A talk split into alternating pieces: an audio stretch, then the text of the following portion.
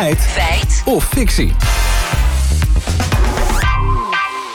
Ja, Martijn, vandaag hebben we het over inheemse volken... en hun rol in de strijd tegen klimaatverandering. Ja, inheemse volken, de oorspronkelijke bewoners van bepaalde gebieden... die zouden in die strijd een belangrijke plek moeten innemen. Dat zeggen twee grote Engelse NGO's. Hoewel inheemse volken maar 5% van de wereldbevolking uitmaken... zouden ze 80% van de wereldwijde biodiversiteit beschermen. En dat wil dus weten of, of, dat wel waar is en of dat klopt. Allereerst even kijken naar die 5%. Daarover spraken we met professor Gerard Persoon. Hij is emeritus hoogleraar Milieu en Ontwikkeling aan de Universiteit Leiden. De VN gaat er ongeveer vanuit dat er 350 eh, miljoen mensen zijn. En een, een cijfer wat ik zelf eh, zo'n beetje aanhoud is dat zij uh, ongeveer 20% van het aardoppervlak in hun beheren, dat ze daar traditioneel leven. Ja, 350 miljoen mensen. Dat is inderdaad zo'n 5% van de wereldbevolking. Maar wanneer ben je eigenlijk inheems? Dat vroegen we aan Bas Verschuren. Hij is docent en onderzoeker natuurconservatie en beleid... aan de Wageningen Universiteit. De meest geschikte definitie daarvoor is via de United Nations Declaration on the Rights of Indigenous People. Die zegt dat je inheems bent als je zelf vindt dat je inheems bent. Er zijn natuurlijk wel een aantal zaken die daarbij helpen kwalificeren. Zoals het spreken van een unieke taal en het hebben van een uniek gedeelde cultuur.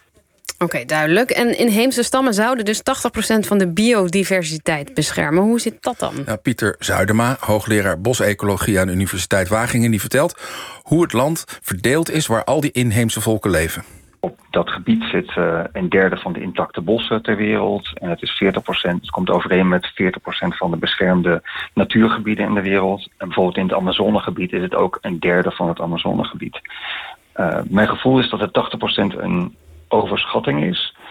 Uh, maar desalniettemin zijn inheemse bevolking ontzettend belangrijk voor uh, de bescherming van biodiversiteit. Een overschatting, maar alsnog heel belangrijk. Waarom dan, Martijn? Ja, dat legt Raki Ab ons haar fijn uit. Die is uh, inheems activist voor de organisatie Free West Papua. En hij strijdt voor meer invloed van inheemse volken op het klimaatbeleid. De werkelijkheid laat zien dat uh, ze door welke stakeholder dan ook regeringen worden weggejaagd uit het gebied waar ze decennia, zo niet eeuwen hebben gewoond, in harmonie met die leefomgeving. En op het moment dat die stammen uh, daar worden weggejaagd, dan niet veel later, vindt er boomkap plaats. Uh, en daarna dus komen dus die bedrijven en die palmolieplantages en die fossiele activiteit. Als wij die landrechten van hen beschermen, zodat ze daar kunnen blijven wonen, ja, dan beschermen we dat ecosysteem. Ja, belangrijk dus dat ze in hun natuurgebied kunnen blijven wonen. Bas Verschuren, de onderzoeker, vertelde ons daarnaast... dat inheemse, inheemse volken vaak beter zijn in natuurbescherming dan overheden. Voor een deel overlappen die gebieden die inheemse beschermen... met andere beschermde natuurgebieden.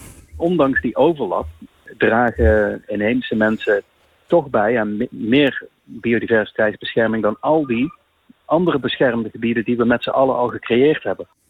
Oké, maar dan even terug naar de cijfers. Beschermen die 5% inheemse mensen... dan dus de 80% overgebleven biodiversiteit, ja of nee? Ja, het eerste wat we checkten is er namelijk 5% van de wereldbevolking inheems. Dat klopt, de Verenigde Naties bevestigt dat ook. Beschermen zij 80% van de biodiversiteit met zijn 5%. Dat is echt veel lastiger te duiden. Dat kunnen we echt niet zo vaststellen. De een noemt het een overschatting, de ander zegt dat het ongeveer klopt. We kunnen niet zeggen feit of fictie, maar het is zeker geen stellig feit.